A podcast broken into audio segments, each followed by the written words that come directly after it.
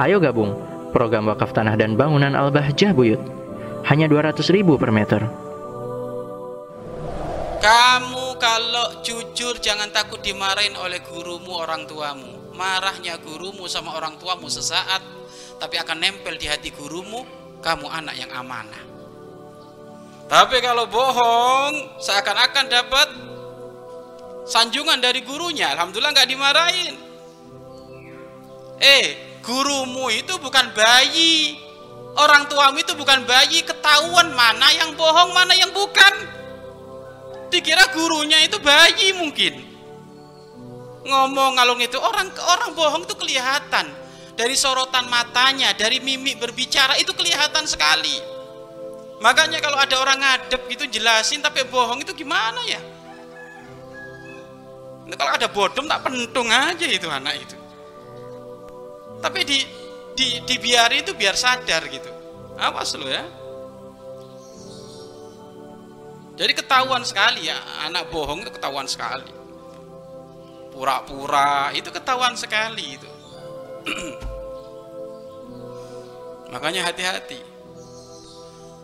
Kita itu kalau ngadep ke buya itu nak masya Allah. Gemeteran. Dalam arti gemeteran itu jangan sampai buya itu bukan anak kecil ketahuan sekali.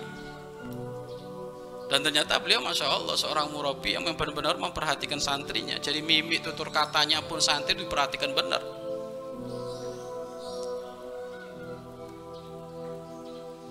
Wih ini membawa kedustaan masya Allah ngadep dengan PD-nya gurunya senyum oh ya marhaba marhaba dikira marhaba percaya? Bukan. Apalagi kalau gurunya seorang wali itu mukanya sudah muka monyet ya ini monyet ngomong apa fase visan ini hmm. ya, kalau gurunya Imam Abdullah Haddad kan di Kasaf itu ngomongnya fase tak taunya kepalanya kobra nyembur nyembur itu Hah? ada mungkin santri ngomong nggak fase tapi jujur nampak mungkin seseorang yang wajahnya bersinar cerah. Ya karena kejujuran di dalam hatinya. Ya, jangan berdusta. Punya kebiasaan berbohong, tobat.